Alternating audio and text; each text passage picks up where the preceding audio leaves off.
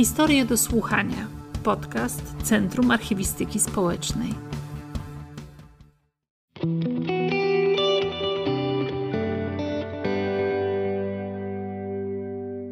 Dzień dobry, cześć i witam wszystkie słuchaczki i wszystkich słuchaczy tego podcastu, tej audycji. Jest ona realizowana w ramach projektu Małe Ojczyzny, organizowanego przez Centrum Archiwistyki Społecznej. Nazywam się Mateusz Radomski, pochodzę z Olkusza i realizuję właśnie swój pomysł na ten projekt. Dotyczy on bardzo ciekawego tematu, przez lata, jak się wydaje, zapomnianego, to znaczy kobiecej konspiracji w czasie II wojny światowej na terenie ziemi olkuskiej. Z racji tego, że przedsięwzięcie dotyczy mojej małej ojczyzny, przepraszam wszystkich tych, dla których wymieniane tutaj miejscowości będą mniej znane, bądź w ogóle nic nie mówiące. Nie jest to jednak najważniejsze, ponieważ zdecydowanie istotniejsze jest to, że opowiadamy o tych, o których do tej pory raczej milczano, uznając za mniej istotne.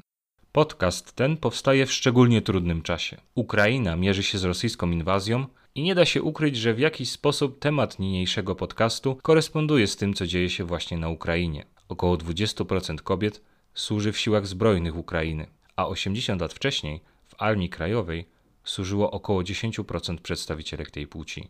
Wydarzenia za naszą wschodnią granicą można potraktować jako okazję do lepszego zrozumienia tego, o czym będziemy tutaj mówić czyli o kobiecym doświadczeniu wojny. O walce z okupantem, o trudach tej walki, o podejmowaniu często niejednoznacznych moralnie decyzji. I właśnie wojna, która toczy się za naszą wschodnią granicą, może być okazją do porównania tych paradoksalnie różnych, ale też podobnych doświadczeń, do czego Was, drogie słuchaczki i drodzy słuchacze, zachęcam. W ramach tego projektu Małej Ojczyzny przygotowałem wspólnie z redakcją ośrodka Karta tekst, który opowiada głosem samych uczestniczek o tytułowym temacie, czyli kobiecej konspiracji na ziemi olkuskiej w czasie II wojny światowej. Jest on dostępny m.in. na portalach Centrum Archiwistyki Społecznej. Dopełnieniem tego tekstu jest niniejszy podcast, niniejsza audycja, która pozwala spojrzeć na te zagadnienia z perspektywy badań przeprowadzonych przez historyków i pasjonatów lokalnych dziejów. Ta audycja, podcast, dzieli się na cztery części. Na początku poznamy tło tytułowej kwestii, to znaczy wydarzenia II wojny światowej na ziemi olkuskiej. Jak to się zaczęło, czym charakteryzowało, jak skończyła się wojna i spróbujemy dokonać bilansu tego okresu. Następnie najlepsi specjaliści od olkuskiej konspiracji odpowiedzą na grad pytań dotyczących olkuskich konspiratorek. Na koniec porozmawiamy sobie troszeczkę, jak wykorzystać przeszłość w teraźniejszości, oczywiście w kontekście głównego tematu. Ponadto będziemy mogli usłyszeć wspomnienia działaczek podziemia, zarówno te spisane, które przeczyta Marta Zwolińska, jak i te, które udało się nagrać. Serdecznie zapraszam.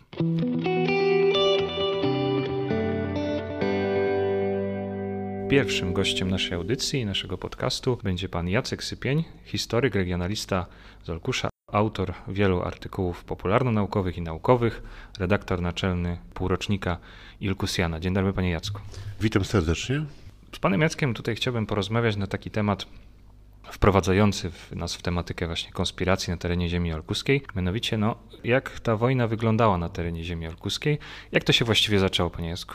Temat jest dość, dość złożony, bo, bo oczywiście Olkusz nie, nie był miejscem szczególnych walk w czasie wojny obronnej 1939 roku. Armia Kraków po prostu wycofała się tutaj bez walk. Takim epizodem militarnym z tego okresu to walka powietrzna, jaką stoczył porucznik Władysław Gnyś nad podolkuską wsią Żurada. Tam doszło do pierwszego zestrzelenia niemieckiego samolotu podczas II, II wojny światowej. Można też mówić o tym, że, że Olkuszanie brali udział w wojnie obronnej w batalionie obrony narodowej Olkusz, który, który wsławił się w bitwie pod Słomnikami. No a potem przyszła noc okupacji i tutaj też powiat olkuski został podzielony granicą. Ta zachodnia część powiatu z samym miastem Olkusz e, została włączona bezpośrednio do, do Rzeszy Niemieckiej, co oczywiście wiązało się z pewnymi konsekwencjami.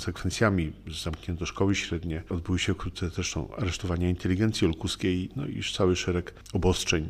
Okupanci nawet zmienili nazwę miasta na e, Ilkanał. Z kolei zachodnia część e, powiatu z dzisiejszymi gminami Wolbrom, Trzyciąż, znalazła się w składzie generalnego e, gubernatorstwa, gdzie te represje oczywiście były silne, niemniej ta polityka pewnej germanizacji była no, troszeczkę słabsza, zachowano część wcześniejszych instytucji, urzędów, jak chociażby, nie wiem, Straż Pożarną, pozwolono działać niektórym, niektórym organom administracji samorządowej. Czy były jakieś takie akty terroru wobec ludności polskiej, czy, czy, czy nie tylko polskiej, obywateli polskich na terenie ziemi olkuskiej w tym czasie? Znaczy, oczywiście tak. Tych akcji było, było sporo. Tutaj można by jakby troszeczkę rozróżnić takie akcje um, pacyfikacyjne, które y, miały miejsce na terenie całej ziemi olkuskiej, to zarówno tej części przyłączonej do Rzeszy, jak i tej części, która e, znalazła się w składzie generalnego gubernatorstwa. Doszło do takich akcji pacyfikacyjnych. Na ogół nie wszystkie, ale część z nich była pewnym odwetem za, za działania zbrojnego, zbrojnego podziemia. Taką akcją na chyba największą skalę była tak zwana Krwawa Środa lipcu 1940 roku w Olkuszu, która była jakby pewną kontynuacją represji, jakie nastąpiły po przypadkowym, jak, jak sądzimy, zastrzeleniu y, przez włamywacza niemieckiego żandarma. Dzień po tym wydarzeniu tutaj w Olkuszu zostało rozstrzelanych 20 Polaków. Dzisiaj mamy ulicę 20 straconych i obeliski, które upamiętniają to tragiczne wydarzenie. A dwa tygodnie później y, Olkusz został obstawiony oddziałami wojsk niemieckich żandarmerii. Wywleczono z domów wszystkich mężczyzn w wieku od 15 do prawie 60 lat. Zebrano w kilku miejscach, kilku placach Olkusza i tam przez cały dzień byli poddawani szykanom, torturom, prześladowani, bici. No to wydarzenie, które przeszło do, do historii pod mianem Krwawej Środy, rzeczywiście było takim chyba najbardziej pamiętaną akcją represyjną podczas okupacji. Zachowała się z tego bogata dokumentacja fotograficzna, wykonywana przez Niemców, którzy brali udział w tym wydarzeniu. Kliszę, jeden z oficerów niemieckich zaniósł do wywołania do zakładu fotograficznego w Folkuszu i właściciel tego zakładu z narażeniem życia zresztą wykonał jeszcze jedną serię e, odbitek, którą oczywiście schował po wojnie. E, te zdjęcia ujawnił. One dokumentują działania, działania niemieckie wtedy w czasie Krwawej Środy. Jak widać zresztą z tych zdjęć, no szczególnym represjom byli poddawani olkuscy Żydzi, którzy zresztą wkrótce zostali wysiedleni i, i zamknięci w getcie. Właśnie Chciałbym jeszcze dopytać o ten los olkuskich i nie tylko Żydów z całego powiatu. Jaka była ich historia? Jak ich los spotkał? E, można powiedzieć tragiczny, bo, bo przeżyło naprawdę niewielu. We wszystkich tych większych miejscowościach e, powiatu olkuskiego, a więc w Olkuszu, w Olbromiu czy w Skale, mm, no, Żydzi no, byli przesiedlani. Zazwyczaj nie było ogrodzone, jak nam się gdzieś kojarzy getto warszawskie. Niemniej e, na przykład w Olkuszu była brama wjazdowa i wyjazdowa z getta, choć samo getto nie było ogrodzone. Niemniej za jego opuszczenie mm, no, groziła oczywiście śmierć. W olkuskim getcie, tak jak wspomniałeś, rzeczywiście poza żydowskimi mieszkańcami Olkusza przedwojennymi zgromadzono także Żydów e, przesiedlonych z innych miejscowości, e, głównie Zagłębia, Zagłębia Dąbrowskiego. I koniec olkuskiego getta to czerwiec 1942 roku, kiedy najpierw zgromadzono wszystkich Żydów, wypędzono ich z getta, zgromadzono na placu za dawnym gimnazjum, tam poddano selekcji, część z nich wysłano do obozów pracy, no a większość trafiła do nieukończonego budynku kasy chorych, czyli dzisiejszego starostwa powiatowego i tam od 13 do 15, jeśli dobrze pamiętam, czerwca 1942 roku takimi marszami śmierci de facto byli prowadzeni na Olkuski Dworzec, skąd trafili do obozów, e, do obozów zagłady. No i niewielka naprawdę grupa olkuskich Żydów przeżyła okres okupacji. A jak y, skończyła się wojna? Kiedy, jak, jakie były okoliczności temu towarzyszące? Zanim przejdziemy do skończenia, zakończenia wojny, y, to jeszcze chciałem poruszyć taki jeden wątek, bo no, od tych tragicznych wydarzeń minęło przeszło 80, 80 lat. Tymczasem no, ta historia dalej ma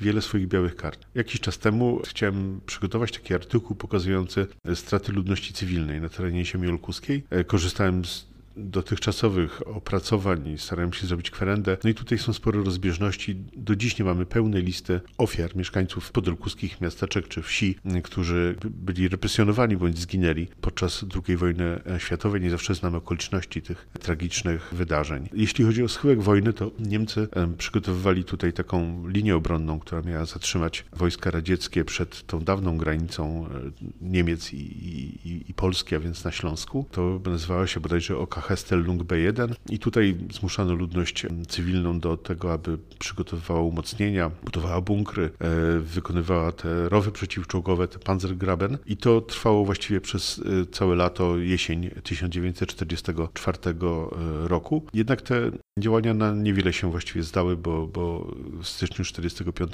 roku bez większych walk Olkusz został zajęty przez wojska radzieckie. Większe walki dopiero miały miejsce dopiero na zachód od Olkusza w miejscowości Sławków. Pamiątką tych walk, które tutaj toczyły się w styczniu 1945 roku jest cmentarz wojskowy, wojenny, cmentarz żołnierzy radzieckich, gdzie pochowane są szczątki żołnierzy ekshumowanych z takich grobów, które w czasie tej kampanii, w czasie walk wykonywane. Wspominał Pan o tym, że jest jeszcze wiele białych plam do odkrycia. Tutaj y, podał Pan przykład choćby strat ludności cywilnej, ale czy są jeszcze jakieś takie obszary, które należałoby zbadać, które by Pan tak mógł wskazać jako te, których historycy czy regionaliści powinni się zająć? Znaczy, takich tematów na pewno jest wiele. No, myślę, że też nie do końca zbadaną sprawą jest działalność e, uprawy, czyli tej organizacji, która skupiała ziemian i która starała się pomóc ludności cywilnej, ale także wysiedlonym. Również nikt chyba do końca nie przebadał tej ludności, która po powstaniu warszawskim tutaj była przymusowo osiedlana na wioskach głównie powiatu olkuskiego i czasami włączała się zresztą e, w działania nielegalne, tak jak chociażby profesor Konopacki, który e, przed wojną uczył w geografii w jednym z warszawskich liceów. Jesienią 1944 roku został przymusowo jakby osad, osiedlony tutaj w jednej z podolkuskich wsi i tam jeden z nauczycieli, ponieważ miało to miejsce na, na terenach włączonych do generalnego gubernatorstwa, załatwił mu legalną pracę w szkole powszechnej w jednej z wiosek i on od razu zorganizował tam tajną klasę gimnazjalną, e, która po zakończeniu wojny w całości jakby przeszła do reaktywowanego gimnazjum męskiego. Wolkusza sam profesor Konopacki rozpoczął tam pracę. Z takich mało zbadanych, myślę, tematów to jeszcze Olkuszanie na frontach II wojny światowej. Wiemy, że walczyli pod Monte Cassino, właściwie we wszystkich chyba działaniach zbrojnych, jakie miały miejsce w czasie wojny, brali udział. No ale z racji na to, że przez wiele lat tą tematyką nie bardzo można się było zajmować, także często dowiadujemy się o nich dopiero teraz, tak jak jak niedawno miałem okazję pisać o jedynym Olkuszaninie, który był żołnierzem batalionu Komando, który był sformowany w e, Armii Polskiej na, na Zachodzie. Bardzo panu dziękuję za te garść informacji, które na pewno pozwolą lepiej e, zrozumieć następne części, w których już będziemy rozmawiać o z następnymi gośćmi o tym, jak, jak ta konspiracja kobieca się kształtowała na terenie właśnie całego powiatu. Bardzo panu dziękuję. Dziękuję za rozmowę. Stanisława Paciej, Elżbieta, mieszkanka wsi Kitów. Wybuch wojny zastał mnie w domu rodzinnym. Popłoch ludności był okropny. Uciekali wszystkimi drogami. Pieszo, rowerami, wozami ciągnionymi przez konie. Na wozach dzieci, u wozów powiązane bydło, a na twarzach strach. Uciekali, nie zdając sobie sprawy z tego, gdzie się schronić. Nie jeden nie wrócił do domu. Samoloty niemieckie strzelały bezlitośnie. Ja z domu nie uciekałam. Powiedziałam sobie, dobrowolnie nie opuszczę domu swojego i tu harty ducha powstał. Nie mogłam przeżyć, że moja ojczyzna stała się hitlerowskim łupem. Po wieczorach siadałam z głową na dłoniach i mówiłam sobie: Dajcie mi ręce siłę. I ty, głowo rozum, bym mogła brać czynny udział w walce o wolność. Interesowałam się porzuconą bronią i amunicją. Nosiłam ją, a magazynem był mój własny siennik. W nocy konserwowałam broń cichutko i ostrożnie. Umiałam konserwować. Miałam ukończone przysposobienie wojskowe w żeńskiej szkole rolniczej w Koziegłowach. 1938 roku. Miałam kurs sanitarny, umiałam się obchodzić z maską przeciwgazową i dobrze rzucałam granatem. Kidów, wrzesień 1939.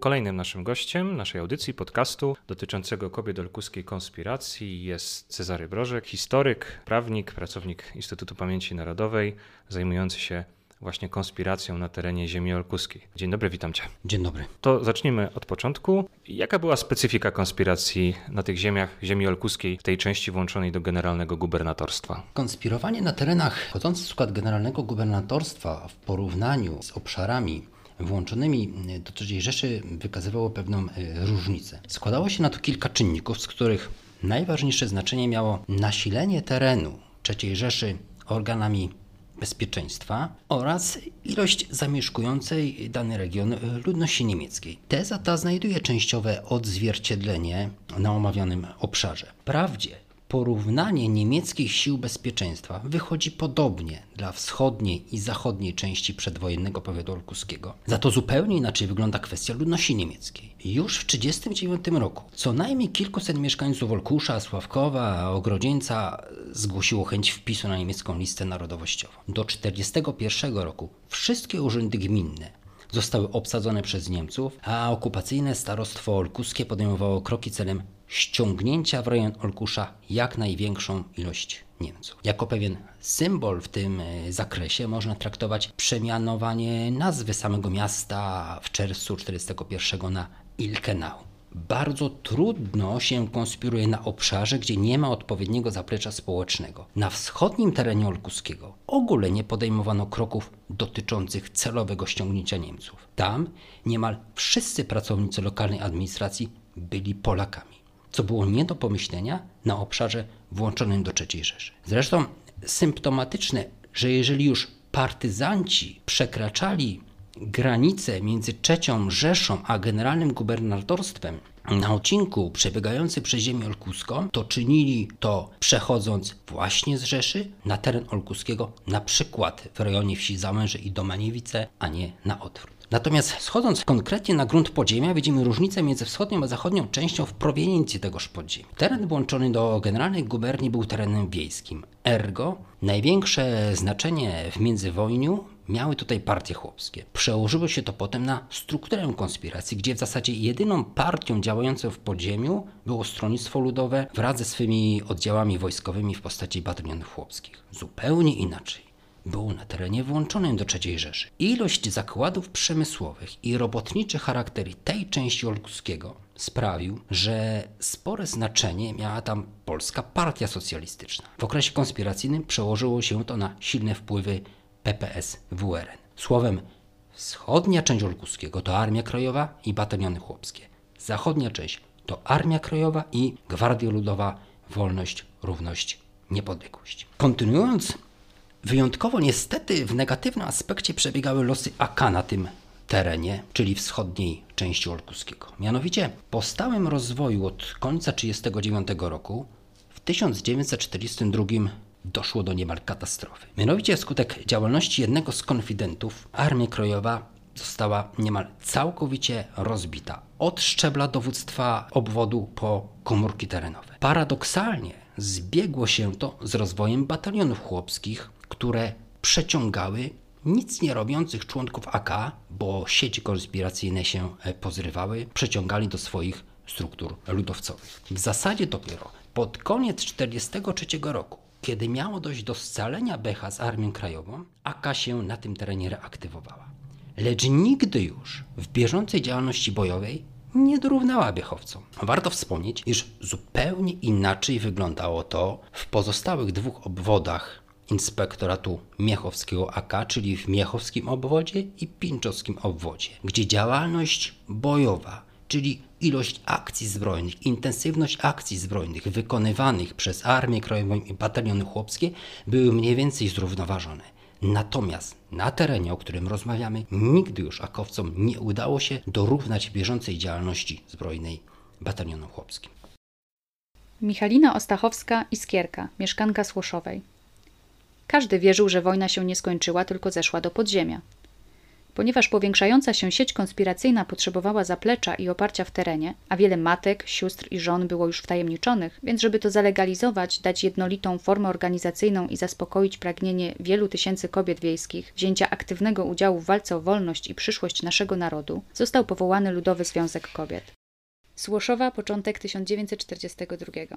A jak w takim układzie kształtowała się rola kobiet w tej, tej konspiracji? Rola kobiet w strukturach konspiracji była i sformalizowana, i niesformalizowana. To jest przebiegająca poza wszelkimi ramami służbowymi. Jak chodzi ściśle o formalny aspekt, to mamy kobiety działające w strukturach Armii Krajowej i w ramach AK w strukturach Wojskowej Służby Kobiet. Mamy również kobiety działające poza Armią Krajową, to jest w ramach konspiracyjnego ruchu ludowego, mam tutaj na myśli Ludowy Związek Kobiet i wewnątrz LZK gałąź pod nazwą Zielony Krzyż. Szefową Wojskowej Ko Służby Kobiet Wolkuskiej była Halina Kawerstein, pseudonim Myszkowska, inaczej Myszka, mm, siostra właściciela majątku w Kalinówce na pograniczu powiatu wolkuskiego i zawiercieńskiego. Komórki WSK najprężniej działały w rejonie Żarnowca, gdzie kierowała nimi Maria Brzozowska-Mewa, siostra właścicielki majątku w Udorzu. Prężnie funkcjonowały także w Olbromiu i Wielmorzy. W pewnej części opierały się one na rozrzuconych w terenie dworach, zahaszając nieco organizację tarcza uprawa. Z kolei szefową LZK w obwodzie olkuskim była Wiktoria Kotni z pseudonim Jadwiga Rokita z Wierzbicy, wioski w północnej części powiatu. Potem szefostwo sprawowała Michalina Ostachowska, pseudonim Iskierka z.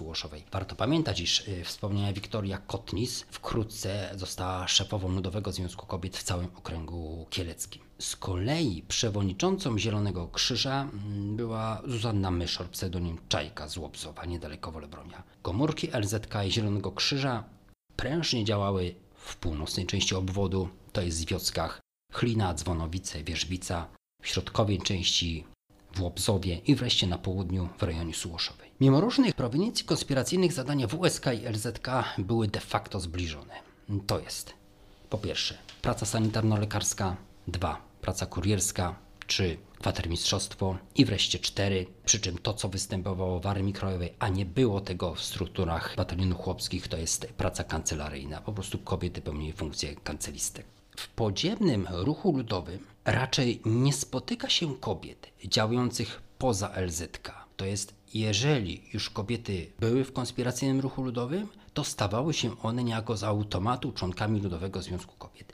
Inaczej było co ciekawe, w przypadku Armii Krajowej gro kobiet i dziewczyn wykonywało omówione wyżej zadania jako po prostu żołnierze Armii Krajowej, a WSK kompletnie ich nie dotykało. Same nawet często nie wiedziały o istnieniu wojskowej służby. Istotne, że z formalno-prawnego punktu widzenia była zasadnicza różnica między WSK a LZK, mianowicie Wojskowa Służba Kobiet była integralną częścią Sił Zbrojnych w kraju. W związku z tym każda z członkiń WSK była jednocześnie pełnoprawnym żołnierzem Wojska Polskiego o prawach i obowiązkach żołnierza Wojska Polskiego.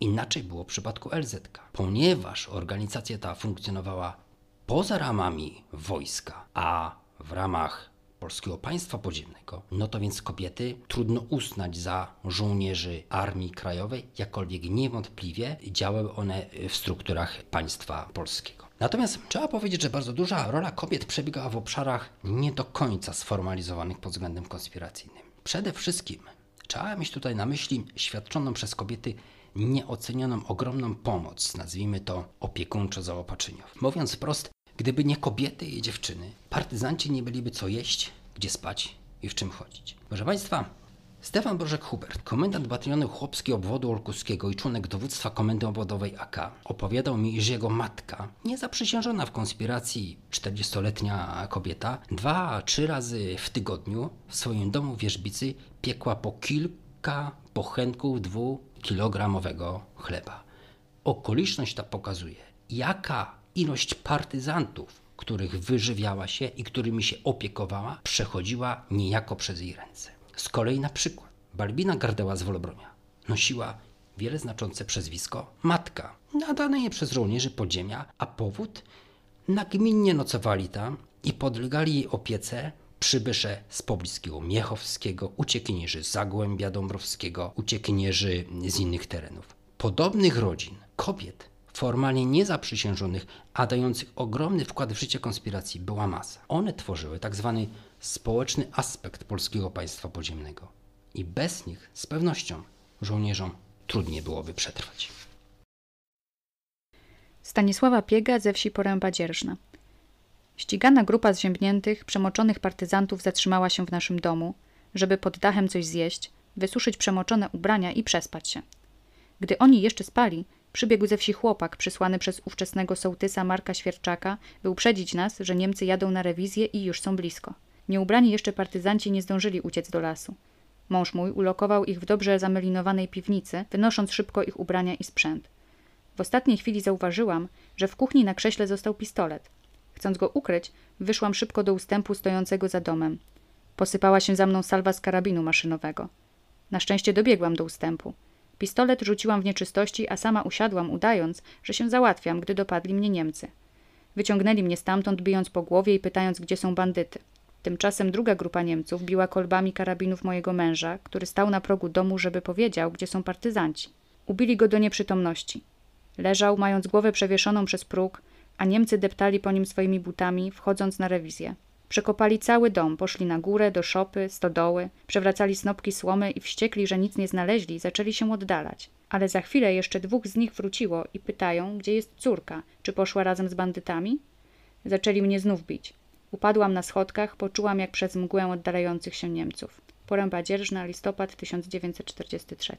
A jak wyglądała rola kobiet e, w oddziałach partyzanckich, już bardziej związanych z taką czynną działalnością zbrojną? We wschodniej części przedwojennego powiatu olkuskiego działało i to krótko zaledwie kilka oddziałów partyzanckich. Innymi oddział batalionów chłopskich Stanisława Snitkisowej w rejonie Kroczyc, oddział AK Zygmunta Niebrzydowskiego Henryka w Lasach Pradelskich, oddział Bogdana Siódy-Wolta w Lasach Utorskich. W składzie ani jednego z nich nie występowały kobiety. Przyczyny tego mogły być różne. Po pierwsze, relatywnie krótki okres ich działalności. Po drugie, oddziały te funkcjonowały w niezbyt dużej odległości od gospodarstw i zabudowań rolniczych, co oznacza, iż w razie potrzeby sprawy wymagające ewentualnej pomocy kobiet były załatwiane w wioskach. Na przykład oddział partyzancki Henryka przez pewien czas kwaterował w niewielkiej wsi Jasienie z północnej części obwodu. I tam na miejscu nawiązał spore i duże kontakty organizacyjne z okolicznymi członkiniami LZK. To, można powiedzieć, załatwiało sprawę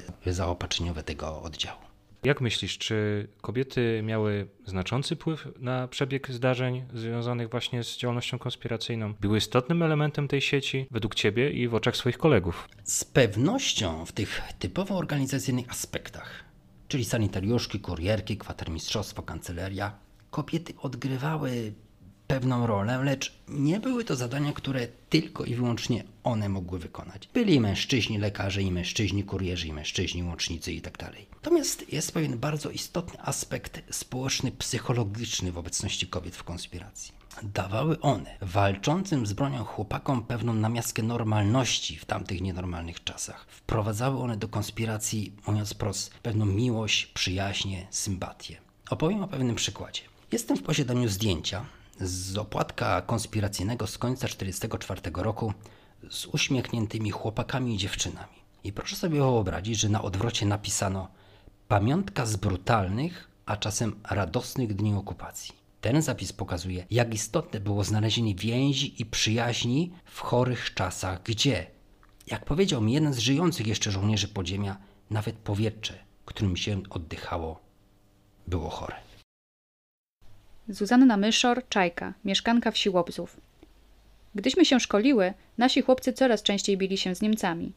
Zdobyte wiadomości, szczere chęci i zapał niestety bardzo rzadko miały swoje zastosowanie. Sanitariuszki nie występowały w akcjach bojowych naszych oddziałów batalionów chłopskich. Nikt nas do tego nie wzywał, a raczej wstrzymywano nas od takich działań, obiecując nam pole do popisów ostatecznej rozgrywce z okupantem. Osobiście byłam zaledwie jeden raz w oddziale partyzanckim batalionów chłopskich. Komendant obwodu batalionów, z którym od dłuższego czasu jeździłam często po terenie powiatu w sprawach organizacyjnych Ludowego Związku Kobiet i Zielonego Krzyża, obiecywał mi pokazać oddział partyzancki i nawiązać z nim współpracę na odcinku naszej służby. Pewien słoneczny dzień lutowy komendant podjechał sankami, swoją sławetną lalką, i niespodziewanie oznajmił, że jedziemy do grupy leśnej batalionów Zygmunta Schenkera Nebrzydowskiego Henryka. Nie bardzo mogłyśmy sobie wyobrazić, jak żyją nasi chłopcy w lesie w tak srogą zimę. Nie wiedziałyśmy także, gdzie są, gdyż tych okolic nie znałam.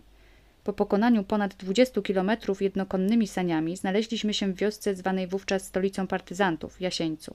Wioska licząca około 12 domów położona była pod lasem na pograniczu powiatu włoszczowskiego. Na skraju wioski zatrzymali nas wartownicy oddziału. Po podaniu hasła, jeden z nich podprowadził nas do domu, w którym mieściło się dowództwo oddziału. W obszernej izbie zastaliśmy dowódcę Henryka oraz kilku innych partyzantów. Po wstępnych powitaniach i okrzykach radości, Henryk zarządził przygotowanie dobrej kolacji dla uczczenia gości. Spodziewałyśmy się dostać jakąś grochówkę lub kaszę z wielkiego kotła, nieodzowne potrawy wojska. Tymczasem, kiedy rozmawialiśmy z Henrykiem i jego sztabem na tematy organizacyjne, plany współpracy Zielonego Krzyża z oddziałem, w izbie zaczęła się rozchodzić woń pieczonego mięsa i jakieś inne zapachy przedświąteczne. Okazało się, że chłopcy oprócz mięsa, wątróbki czy innych podrobów przygotowali i piekli prawdziwe pączki dla podtrzymania tradycji ostatkowych oraz zapewne uczczenia gości rzadkich w oddziale. Chciałyśmy pomóc w przygotowaniu kolacji, a zwłaszcza w pieczeniu pączków, ale Henryk nie zgodził się, twierdząc, że jego ludzie doskonale to zrobią. Chlina, luty 1944. Czy któraś z tych kobiet, które spotkałeś jako, jako już starsze panie, czy o których czytałeś zarówno w literaturze przedmiotu, czy, czy w źródłach, wywarła na tobie jakieś szczególne wrażenie? Odpowiedź na to pytanie może być dwojaka. Z jednej strony trzeba powiedzieć o pewnej znakomitej grupie dziewczyn z rejonu Wierzbicy i Łobzoba, bardzo blisko związanych z chłopakami z oddziału specjalnego batalionu chłopskiego Edwarda Kaziora Lota. Te kobiety, te dziewczyny z tymi chłopakami, mężczyznami tworzyły mm, znakomity, zgrany zespół pewnych wybitnych osobistości, jak chodzi o pewne podejście i wzajemne na siebie liczenie, poświęcenie i działalność y, na rzecz i niesienia sobie pomocy nawzajem i działalność, mówiąc wprost, na rzecz niepodległości. Zresztą, jako ciekawostka, część z tych chłopaków i dziewczyn potem wzięła po wojnie ślub i spędziła ze sobą resztę życia. Natomiast jak chodzi konkretnie o pewne nazwisko, niewątpliwie nie można zapomnieć o Marii Olszewskiej, pseudonimie Mira, córce państwa Mianowskich, właścicieli majątków w Dębieńcu niedaleko Wolobromia. Dwór w Dębieńcu w czasie okupacji był wielką instytucją. Miejscem kwaterowania kolejny komendant obwodu AK Olkusz, czasowo miejscem kwaterowania inspektora Miechowskiego i nieustannie przewileje się przez niego kolejni konspiratorzy, był magazynem broni z skrzynką kontaktową. Olszewska niestrudzenie pracowała jako kurierka i obsługiwała główną skrzynkę kontaktową komendy obwodu. Była to jedyna tak wysoko kobieta postawiona w strukturach olkuskiej konspiracji. Została w czerwcu 1943 roku aresztowana za działalność podziemną, przesłuchana w Miechowie, bestialsko skatowana, wybito jej oko, złamano ręką i zastrzelona po kilku dniach w lesie koło Chodowa, niedaleko Harsznicy. Była to jedyna kobieta ze wschodniej części ziemi olkuskiej odznaczona Virtuti Militari. Bardzo Ci dziękuję za tę garść niezwykle ciekawych informacji, które tak zarysowują w bardzo obrazowy sposób, jak, jak ta sytuacja konspiracji i kobiet w tej konspiracji wyglądała. Tym samym przechodzimy do kolejnej części naszego podcastu. Za tę rozmowę bardzo Ci dziękuję. Dziękuję bardzo.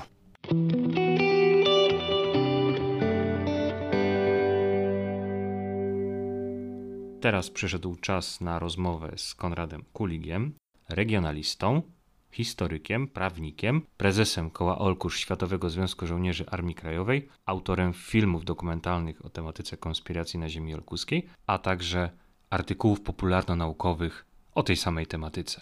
Dzień dobry, Konradzie. Dzień dobry.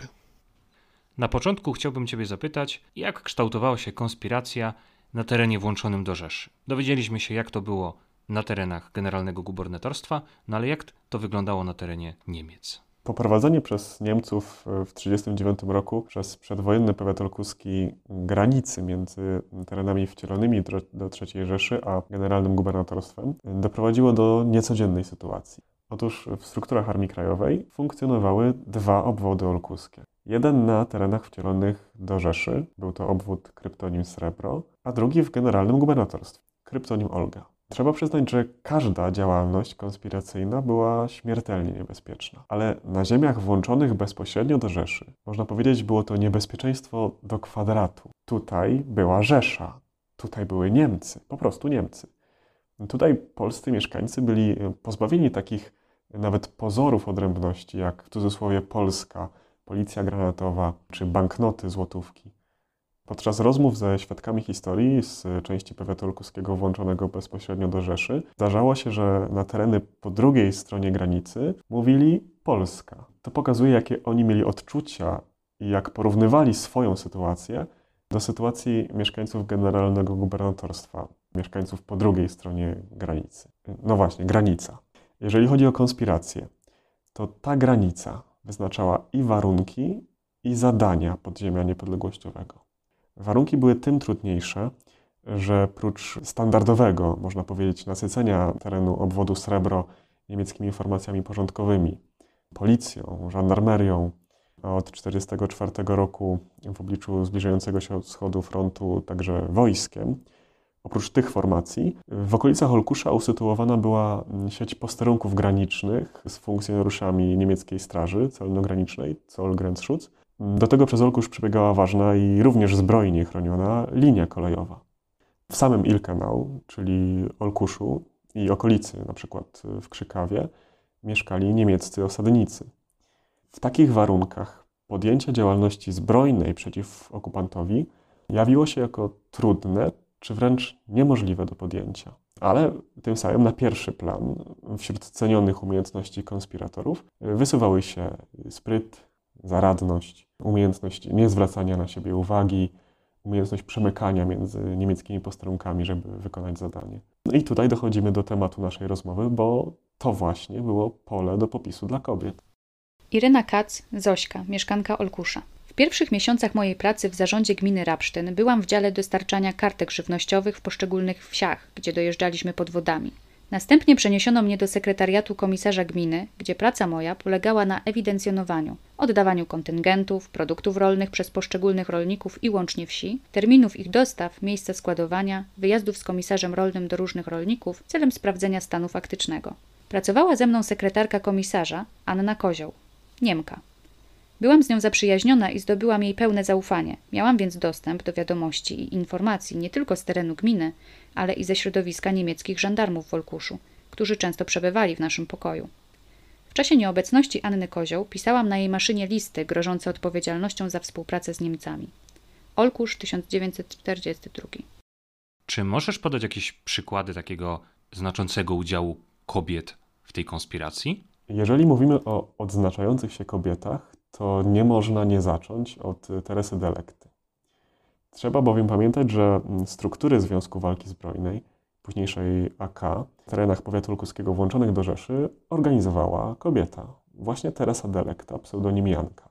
Była to przedwojenna nauczycielka szkoły na Skałce w Bukownie, instruktorka PWK, czyli przysposobienia wojskowego kobiet i komendantka powiatowa tej organizacji. Z racji tej ostatniej jej funkcji, po klęsce wrześniowej szybko nawiązała kontakt z podziemiem i otrzymała zadanie zorganizowania siatki w Olkuskiem. To ona, Teresa Delekta, na przełomie 39 i 40 roku wyszukała w terenie oficerów i żołnierzy, którzy podjęli się zostać kadrą późniejszego obwodu Olkusz Srebro AK. Następnie Delekta zorganizowała łączność, organizowała łączność pod okręgu Zagłębie i okręgu, okręgu, czyli struktury szczebla wojewódzkiego, okręgu Śląsk e, Armii Krajowej. Współpracowała m.in. ze słynną kurierką Elżbietą Zawadzką, pseudonim Zo, drugą Polką w historii awansowaną na stopień generała. Podsumowując, e, jeden obszar, w którym wyróżniały się kobiety, to służba łącznikowa i kurierska. Kolejnym bez wątpienia była służba sanitarna. Dr Marian Kiciarski, szef konspiracyjnej służby sanitarnej w Olkuszu, wspomina długą listę pielęgniarek i urzędniczek Izby Przyjęć, bez których niemożliwa byłaby prężna pomoc rannym, chorym i zagrożonym aresztowaniem akowcom, która to, to prężna pomoc była udzielana w olkuskim szpitalu tuż pod nosem Niemców. Warto też pamiętać o kobietach, które formalnie nie pełniły żadnej funkcji w konspiracji, ale przez to, że ich mężowie byli zaangażowani, to w rzeczywistości na nich, kobietach, opierała się częściowo struktura konspiracyjna. Spójrzmy na taką sytuację. Kiedy mąż był w pracy, a trzeba było przyjąć paczkę prasy, albo meldunek, albo pomóc spalonemu członkowi konspiracji, który trafił pod ten adres, to kto to robił? No, żona oczywiście. Tak było w przypadku Janiny Skoczek, żony przewodniczącego Komitetu Powiatowego PPS w Olkuszu, Franciszka Skoczka Waldasa. Z kolei żona wspomnianego doktora Kiciarskiego, Helena, nie wiedziała, że mąż służy w konspiracji i w tajemnicy przed mężem wybierała z jego apteczki medykamenty, żeby przekazać je partyzantom. Anna Kuś, mieszkanka wsi Chełm. Przenosiłam meldunki do Cisnej w okolicy tunelu – gdzie znajdowała się grupa działająca w lasach tunelskich i znów miałam spotkanie z żandarmami niemieckimi. Nadeszłam na dwór, gdzie spacerowali uzbrojeni Niemcy. Zatrzymali mnie oni, pytając dokąd idę. Bałam się o swoje życie i meldunki, które niosłam za stanikiem. Tłumaczyłam się, że idę do rodziny kopać ziemniaki. Po krótkim przesłuchaniu zostałam puszczona i szczęśliwie dotarłam do celu wraz z meldunkami. Hełm, wrzesień 1944. Ale tutaj mówimy o konspiracji, takiej działalności podziemnej. No a co z, takim, z taką działalnością zbrojną, z bronią w ręku? Czy kobiety miały jakiś udział w działaniach partyzanckich, służyły w oddziałach, przebywały w nich, walczyły z bronią w ręku? Jeżeli chodzi o służbę bezpośrednio w oddziałach leśnych, to na liście żołnierzy największego oddziału partyzanckiego z ziemi olkuskiej, oddziału Gerarda Woźnicy Hardego, można znaleźć Ingeborgę Nowak, żonę Jana Nowaka, chętnego, lekarza tego oddziału partyzanckiego. Istotne było też wsparcie, istotne dla tego oddziału, było też wsparcie kobiecej drużyny sanitarno-gospodarczej. Kiedy patrzymy na zdjęcia oddziału Hardego, uwagę zwraca, że duża część żołnierzy jest jednolicie umundurowana. To nie był standard wtedy w oddziałach partyzanckich, które były umundurowane niejednolicie. Troje ubrania cywilne, mundury polskie, niemieckie, zdobyczne, zrzutowe, angielskie. No, tutaj na zdjęciach oddziału Hardego można zobaczyć, że duża część żołnierzy ma jednolite bluzy. To była zasługa kobiet ze wspomnianej drużyny sanitarno-gospodarczej. One pod kierownictwem krawca Macieja Mędrka, pseudonim Pędz, ze zdobycznego materiału uszyły partyzantom mundury. Trzeba też pamiętać o tak prozaicznych, ale ważnych czynnościach jak pranie, cerowanie, gotowanie. Również tutaj partyzanci mogli liczyć na pomoc kobiet. Antonina Ścisłowska, mieszkanka wsi Krzywopłoty. Udzielałam z mężem schronienia i pełnej opieki wraz z wyżywieniem łącznikom. Dom nasz położony jest z dala od wsi Krzywopłoty, na skraju lasu, także partyzanci mieli bezpieczny dostęp do niego, jak również mogli się szybko wycofać w razie jakiegokolwiek zagrożenia.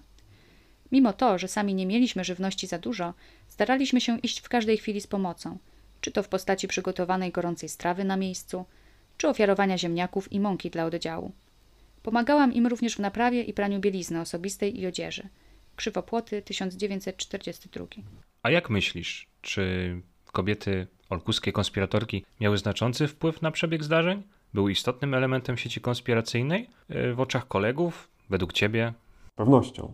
Jedne z nich, jak wspominałem, miały okazję kreować bieg zdarzeń na tym wysokim, dowódczym szczeblu. Z kolei dzięki działalności innych, ten spalony na niższym szczeblu członek konspiracji na przykład miał gdzie przenocować, a partyzant po prostu y, nie chodził w podartej koszuli. W każdym razie jestem przekonany, że żołnierze AK zdanie, gdyby nie nasze kobiety, to mogliby dokończyć na wiele sposobów. Alicja Mędrek, Diana wysiedlona do wsi Bydlin. Pewnego dnia wspólnie z moim ojcem podjęliśmy wielką decyzję. Postanowiliśmy naszych leśnych chłopców umundurować, by wyglądali na prawdziwych polskich żołnierzy. Materiał na mundury był, gdyż dostarczyli go chłopcy z lasu. Oni to sami zdobyli go na jednej z licznych wypraw, zabierając z niemieckiego magazynu. Brakowało dodatków, guzików z polskim orłem i nici do szycia. W tym celu postanowiłam się udać do miasteczka w III Rzeszy, Ilkenau, Olkusza, gdzie miałam rodzinę i znajomych. Jeździłam tam rzadko, ale czasem trzeba było zawieść swoim bliskim trochę żywności i słowa otuchy. Zabierałam ze sobą ulotki podziemnej prasy, a swoimi opowiadaniami o partyzantach wzbudzałam u nich podziw połączony z niedowierzaniem. Tu był inny świat. Szalał terror, aresztowania, Trudno więc im było uwierzyć w moje opowiadania. Rozmyślałam o tym w powrotnej drodze, siedząc w pociągu i przyciskając dobrze ukryty skarb, uszczęśliwiona, że udało mi się bez szwanku wsiąść do pociągu, gdyż przedtem celnicy niemieccy rewidowali podejrzane osoby. Nawet nie spostrzegłam, kiedy pociąg przystanął na małej stacyjce Rapsztyn, odległej o około 6 km od Bydlina. Parę osób przebiegło przez peron i szybko ruszyło w stronę wyjścia, gdyż i tu nie było bezpiecznie. Kręcili się celnicy niemieccy, przyglądający się podejrzliwie wysiadającym. Idąc leśną ścieżką, gdyż tak było bezpieczniej, rozmyślałam nad kontrastem, jaki był pomiędzy miasteczkiem, które przed kilkunastu minutami opuściłam, pełnym niemieckich żandarmów, urzędników, szpiclów, esesmanów, o których z nienawiścią myślałam, mając przed oczami przeżyte dni grozy, jak krwawa środa, wysiedlenie z getta i inne metody terroru stosowane przez okupanta. Za chwilę odetchnę innym klimatem. Już ze wzgórza pod Kolbarkiem zobaczyłam czarne kontury tajemniczego lasu, ukrywającego w swym gąszczu tych, którzy codziennie przybliżali nas do upragnionej wolności. Znaleźli tam przecież schronienie chłopcy z lasu. Znałam ten las, gdyż czasami jeździłam tam z różnymi dobrymi i złymi wieściami. Jeszcze paręset metrów i jestem w domu, gdzie oczekiwano mnie z niepokojem. Bydlin, sierpień 1944. A spotkałeś się może z takim przykładem działaczki konspiracyjnej albo jakiejś grupy działaczek, konspiratorek, które wywarły na tobie szczególne wrażenie? Tak. Uwagę słuchaczy chciałem zwrócić na jedną rodzinę. Wspominałem o krawcu Macieju Mędrku, to był ceniony przed wojną olkuski rzemieślnik, którego Niemcy wyrzucili ze swojej kamienicy. Z jego kamienicy musiał uciekać do rodziny w Bydlinie. Jego trzy córki były zaangażowane w konspirację. Alicja, pseudonim Diana i Letycja, pseudonim Jutrzenka, zgłosiły się do drużyny sanitarnej w oddziale Hardego. Z kolei Zofia, ich siostra, była, była łączniczką w batalionach chłopskich. Kiedy najmłodsza z tych sióstr, Letycja, zobaczyła, że jej starsza siostra Alicja składa przysięgę, niejako wymusiła zaprzysiężenie również y, jej. Tak bardzo chciała działać y, w podziemiu. Więcej o historii tych trzech dziewczyn można przeczytać na wystawie partyzanckie wspomnienia, polecam. Można ją w wersji cyfrowej znaleźć w internecie na stronie ak.olkusz.pl. Tak jest. Przy tej okazji serdecznie zachęcamy do wejścia na stronę i zapoznania się z wystawą. Tym niemniej było to ostatnie moje pytanie do Ciebie. Bardzo Ci, Konradzie, dziękuję. Bardzo dziękuję. Bardzo się cieszę, że Konrad wspomniał o siostrach Mędrek, ponieważ mieliśmy okazję wspólnie poznać dwie z nich, Letycję i Zofię, a tym samym nagraliśmy wspomnienia. I fragment tych wspomnień chciałbym Państwu zaprezentować. Opisują one historię, którą już w skrócie opowiedział Konrad, ale oddanie głosu właśnie tym bohaterkom będzie takim podsumowaniem tej części historycznej i jednocześnie wprowadzeniem w tą część poświęconą wykorzystaniu tej wiedzy, wykorzystaniu tych doświadczeń i pamięci w teraźniejszości. Przyjechała jedna pani z Katowic, no i siostra i ja z nią się spotkały. Ale nie wolno było nam się pytać jej, skąd ona jest, kiedy przyjechała, nic. Była wielka tajemnica. No i siostra przysięgę składała, bo ona miała taką książkę grubą, kazała sobie, otworzyła tam, no, ona czytała i powtórzyć. No i ja jak widziałam, a byłam dużo młodsza, no o dwa czy trzy lata od siostry, no to ja mówiłam, żeby, że ja też chcę złożyć przysięgę. No a siostra mówi tak, jesteś za młoda, a ta pani mówi nie. Tak pani nie może mówić, bo jeszcze pani może zaszkodzić. Tak, tak powiedziała. Dla mnie to było coś bardzo wielkiego, bardzo. Byłam bardzo dumna, ale wszystko trzeba było trzymać wielkiej, wielkiej tajemnicy.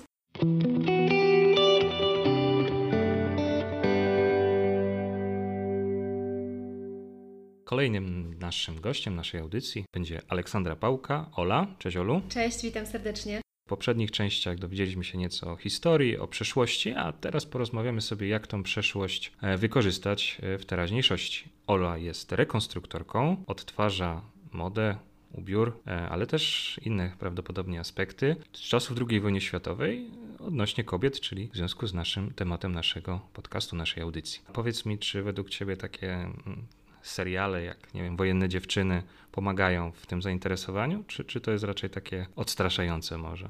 Ja myślę, że raczej pomagają, że wpływają na to, że rośnie zainteresowanie też tą epoką, odtwarzaniem. Wiadomo, są filmy i seriale z czas, które opowiadają o czasach II wojny. Jedne robią kostiumy lepiej, drugie gorzej, ale myślę, że zdecydowanie wpływają na zainteresowanie. A co jest w tym odtwórstwie takim, tej rekonstrukcji takie najtrudniejsze dla Ciebie? Jestem w rekonstrukcji już parę lat i kiedyś najtrudniejsze rzeczy to były na przykład jak chociażby znalezienie materiału e, źródłowego, zdjęć, e, grafik, e, wykrojów. Dzisiaj jest już to dla mnie łatwiejsze. Dzisiaj na przykład najtrudniejsze jest dla mnie znaleźć właściwy materiał na sukienkę. Na przykład trudno już dzisiaj dostać materiał bez żadnej sztucznej domieszki, taki jaki był w latach 40. To jest taka technicznie dla mnie trudna rzecz. No, czyli mamy lata 40, tak? No to skoro tak trudno tam odnaleźć te, te, te materiały i tak niejednokrotnie się trudno do tego dobrać, no to dlaczego akurat te, ta epoka? Dlaczego nie lata 70., 80., gdzie prawda może jeszcze coś od babci byś dostała czy od mamy? Jest to czas, jest to epoka bardzo ważna dla historii Polski i też przede wszystkim tego, co się teraz dzieje. No i też ta epoka zawiera wiele takich historii pełnych bohaterstwa, też e, człowieczeństwa, aktów odwagi i jest to inspirujące, szczególnie jak się czyta o dokonaniach e, właśnie ludzi z tamtych czasów, albo jak się robi wywiady właśnie ze świadkami historii. Czyli nie tylko jakby odtwarzasz to, pokazujesz jak to wygląda, ale też ci to inspiruje po prostu w jakiś sposób do działania? Ja uważam, że żeby być dobrym rekonstruktorem, nie wystarczy skupić się na samych ubraniach. To, co się dzieje w modzie i to, jakie ubrania ludzie noszą, też są wypadkową tego, co się działo w danym momencie historycznym. I jeśli badasz i jedną, i drugą kwestię, to jesteś w stanie być lepszym rekonstruktorem. Mhm, mhm. No, czyli to nie tylko tak jakby można tak ująć, infantylnie przebieranie się, ale też taka praca badawcza. No, dla mnie zdecydowanie to nie jest tylko przebieranie się. Ja się staram zrozumieć całą epokę, całą mentalność, co, jak wyglądało życie po prostu kobiety w latach 40. I na przykład to postaram się to pokazać na takim prostym przykładzie. Robisz stylizację codzienną, to wiadomo, że nie założysz do niej pięknych pantofelków na obcasie, bo wiesz, że kobieta w czasie wojny musiała załatwiać dużo sprawunków, musiała być gotowa na to, żeby na przykład uciec przed łapanką, więc raczej zakładała wygodne obuwie.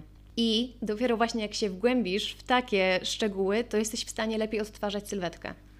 Rozumiem, czyli to nie jest tylko takie, a to pasuje do lat 40., więc to ubiorę, ale też musisz znać kontekst tego, w jakim momencie, jakby, jak, co odtwarzasz w danym momencie, tak? Czyli, czyli to jest po prostu kwestia może konkretnej sytuacji bardziej, tak? Też to bardzo pomaga i też pomaga Ci zrozumieć, czemu pewne rzeczy wyglądały tak, a nie inaczej. Dlaczego sukienki chrutły? No bo dlatego, że brakowało materiału. Dlaczego pewne sukienki wyglądały tak, jakby je ktoś z dwóch różnych kawałków materiału uszył? No właśnie dlatego, że brakowało materiału, trzeba było sobie radzić, przerobić starą na nową, połączyć dwie sukienki. I to nie tylko w tej epoce y, można zauważyć takie zależności. Na przykład w latach 50. spódnice się poszerzyły dramatycznie, były z koła, ale właśnie dlatego, że ludzie już mogli sobie odpuścić to oszczędzanie i, i można było więcej materiału zainwestować w sukienkę.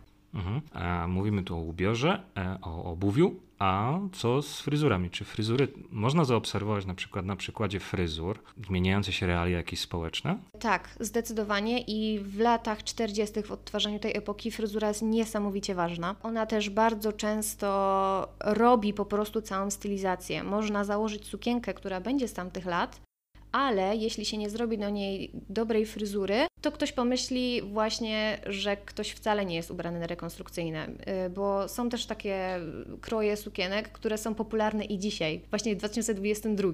E, więc włosy są bardzo ważne i na przykład mogę powiedzieć, że w Ameryce było tak, że kobiety nosiły troszeczkę dłuższe włosy, dlatego że oszczędzały na chodzeniu do fryzjera, więc one były trochę dłuższe, nie chodziły podcinać. A w Polsce było odwrotnie, bo też Polki same sobie robiły usługi fryzjerskie i też e, te włosy były krótsze, często pospinane, żeby były wygodne do pracy. Mhm, mhm. No tutaj jest taka kwestia wręcz, no, no naprawdę trzeba było się wgłębić, żeby się dowiedzieć, prawda, że jest taka różnica między nawet kontynentami. Tak, właśnie też często zauważam, jak się wejdzie właśnie w te szczegóły, jak odtwarzasz Polkę, to nie tak chętnie będziesz malować paznokcie czerwonym lakierem. Jakbym odtwarzała Amerykankę z lat 40., zdecydowanie chętniej bym go użyła. Czy, no tu wspominasz właśnie o tych różnicach takich y, co do odtwarzania Polek, Amerykanek, no też, też powiedzmy różnice te właśnie narodowościowe, no to jest oczywiście związane z, z, z pewnymi takimi społecznymi no i politycznymi wydarzeniami, ale powiedz mi, czy w tej twojej działalności rekonstrukcyjnej twojej koleżanek, prawda? Odwołujecie się też w jakimś stopniu do mm, właśnie konspiratorek, bo wspomniałaś tutaj o kobietach w czasie właśnie II wojny światowej, czy unikać łapanki, ale czy konspiratorki, mm, powiedzmy te morowe panny się czymś jeszcze mm, takim charakteryzują szczególnym? Są to bardzo odważne kobiety i jest to taki wzór, jest to też podziw dla kobiet z tamtych czasów i to jest inspiracją, co mogę powiedzieć, że właśnie takie też śledzenie ich e, losów, czytanie wspomnień mnie też pomaga po prostu być lepszą rekonstruktorką. A powiedz mi, czy zaskoczyło Cię coś w rekonstrukcji? Coś po prostu, jak wchodziłaś, wchodziłaś w ten świat, czy albo inaczej, wchodząc w ten świat, wyobrażałeś sobie go zapewne w jakimś tam określony sposób, czy coś cię zaskoczyło? Tak, myślę, że to jest bardzo ważne pytanie, ponieważ rekonstrukcja historyczna w ogóle jest tak dynamicznie rozwijającą się dziedziną i, i, i pasją, że jak się w, jak zaczynałam rekonstrukcję już prawie 7-8 lat temu, trudno było o źródła, trudno było o cokolwiek. Teraz jest tego, jest to o wiele łatwiej dostępne i na Instagramach, na Pinterestach. Teraz już sobie wszyscy w internetach y, udostępniają kroje, wykroje na, na ubrania. Wtedy tego nie było. Jestem wręcz pozytywnie zadziwiona jak głęboko niektóre dziewczyny, bo też obserwuję inne rekonstruktorki z, z, innych grup, potrafią wejść w rekonstrukcję. Na przykład, jak się zaczynało rekonstrukcję, to najważniejsze było, żeby po prostu ta sukienka była ok, włosy były ok. A teraz już się dochodzi do takiego momentu w rekonstrukcji, że dziewczyna, która rekonstruuje epokę wiktoriańską, poza tym, że szyje według wiktoriańskiego wykroju, szyje na wiktoriańskiej maszynie do szycia z tamtej epoki, wiktoriańską epoką, tak samo też na przykład edukuje się, jakie były ściegi, jak się tą igłą pracowało przy wykończeniu na przykład podszewki i robi dokładnie tak samo, jak to było w tamtym czasie. Co na początku, powiedzmy 7-8 lat temu, było jeszcze nie do pomyślenia. A dzisiaj tak głęboko się ludzie zagłębiają w ten temat. Czyli można powiedzieć, że zawód rekonstruktora się profesjonalizuje. Myślę, że idzie to w tym kierunku. A powiedz mi jeszcze o takiej może troszeczkę bardziej strony socjalizującej. Wspomniałem, że właśnie działasz w tej grupie rekonstrukcyjnej, y, natomiast y, czy, czy inne dziewczyny w twoim wieku, młodsze, starsze też, też, też, też robią podobne, podejmują podobne działania? Bardzo się cieszę, bo niedawno do naszej grupy dołączyło dużo młodych dziewczyn, e, które też zaczynają swoją przygodę z rekonstrukcją. Z jednej strony mają łatwiej, z drugiej strony mają trudniej. Łatwiej mają dlatego, że jestem już na przykład ja, jestem już jakiś czas w tej rekonstrukcji, już mogę im dużo podpowiedzieć, pokazać, bo sama też się uczyłam i na swoich błędach, no też przede wszystkim na swoich błędach się uczyłam, jak robić tą rekonstrukcję lepiej i mogę po prostu im powiedzieć, czego nie robić, co robić. Z drugiej strony one mają trudniej, bo przychodząc już do takiej grupy jak nasza, muszą od razu wskoczyć na pewien poziom.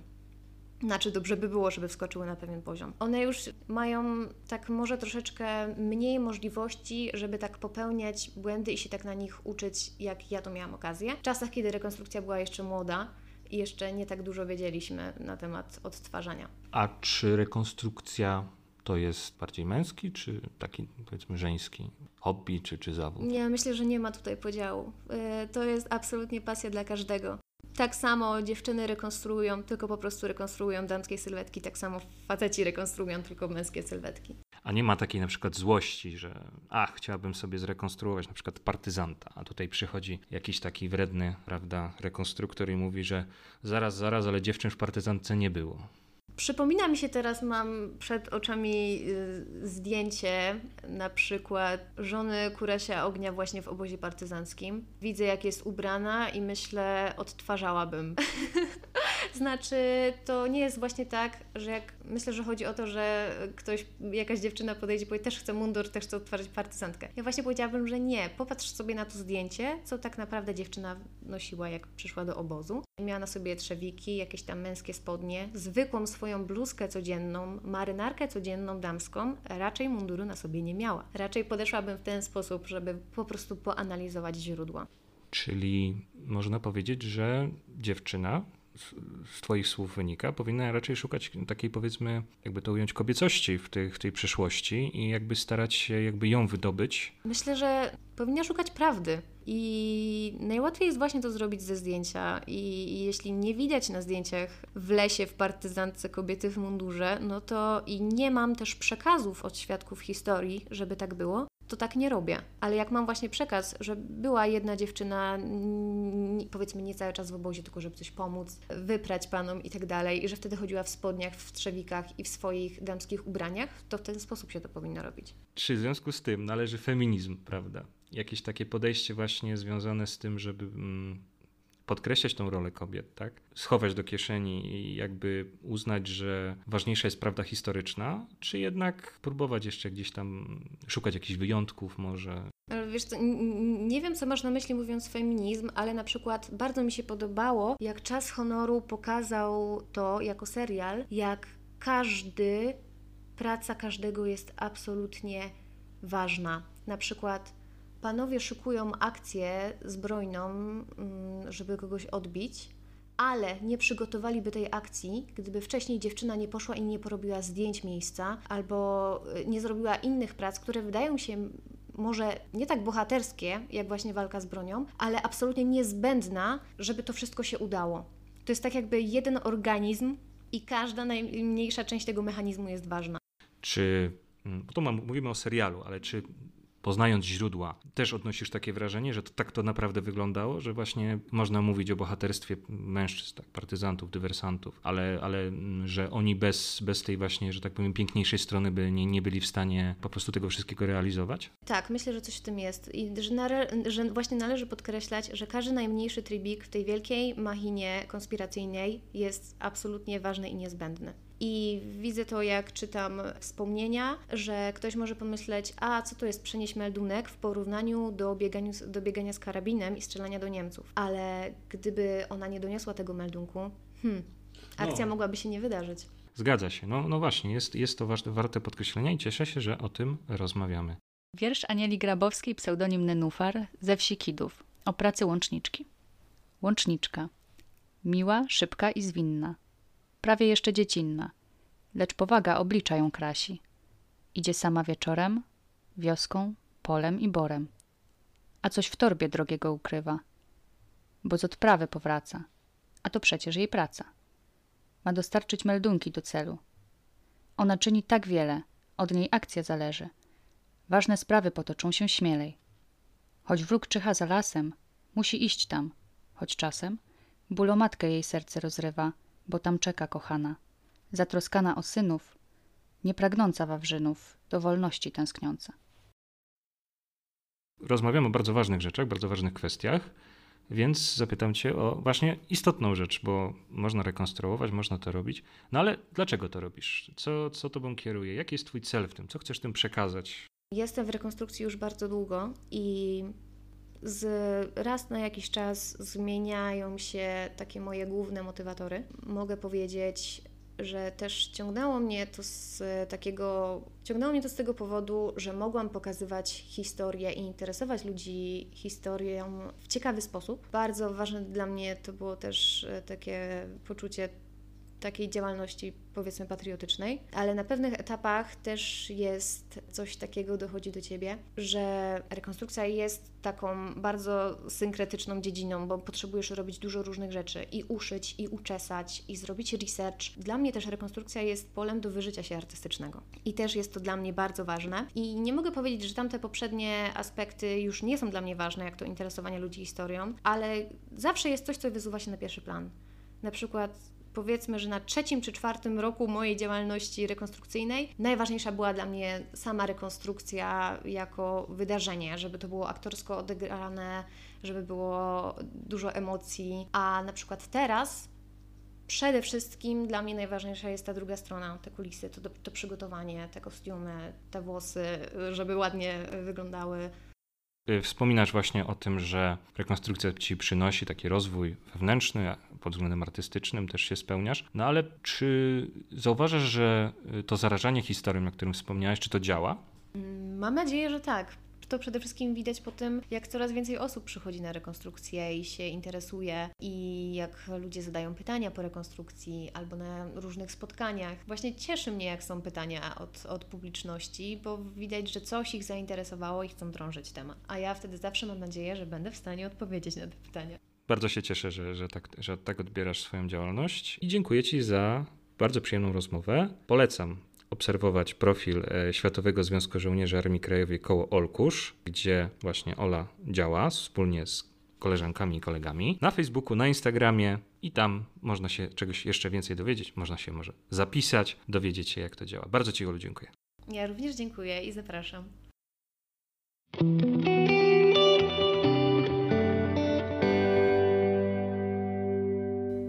I to by było na tyle w tym momencie. Mam nadzieję, drogie słuchaczki i drodzy słuchacze, że nie zanudziliśmy Was przy poznawaniu losów olkuskich konspiratorek, że dowiedzieliście się czegoś ciekawego, a jednocześnie, że zainspirowało Was to, bądź zainspiruje, do jakichś nowych działań. Być może w Waszej okolicy też znajdzie się wiele historii związanych z damską stroną konspiracji, którą warto przywołać. Serdecznie dziękuję w tym miejscu pracowniczkom Centrum Archiwistyki Społecznej, Agacie Bujnowskiej i Karolinie Sakowicz za koordynowanie moich poczynań. Bardzo dziękuję też uczestnikom tego podcastu.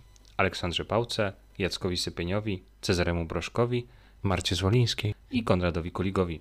Bardzo również dziękuję rodzinie pani Letycji Kiełtyki-Jutrzenki za możliwość wykorzystania nagrania z relacją pani Letycji. Wykorzystano również materiały ze zbiorów Światowego Związku Żołnierzy Armii Krajowej koło Olkusz, Związku Kombatantów Rzeczypospolitej i Byłych Więźniów Politycznych koło Olkusz, Archiwum Zakładu Historii Ruchu Ludowego, Muzeum Regionalnego PTTK imienia Antoniego Minkiewicza w Olkuszu oraz Fundacji Generał Elżbiety Zawadzkiej. Jestem również bardzo wdzięczny redakcji Ośrodka Karta na czele z Karoliną Kutą, którzy pomogli mi przygotować tekst poświęcony temu zagadnieniu.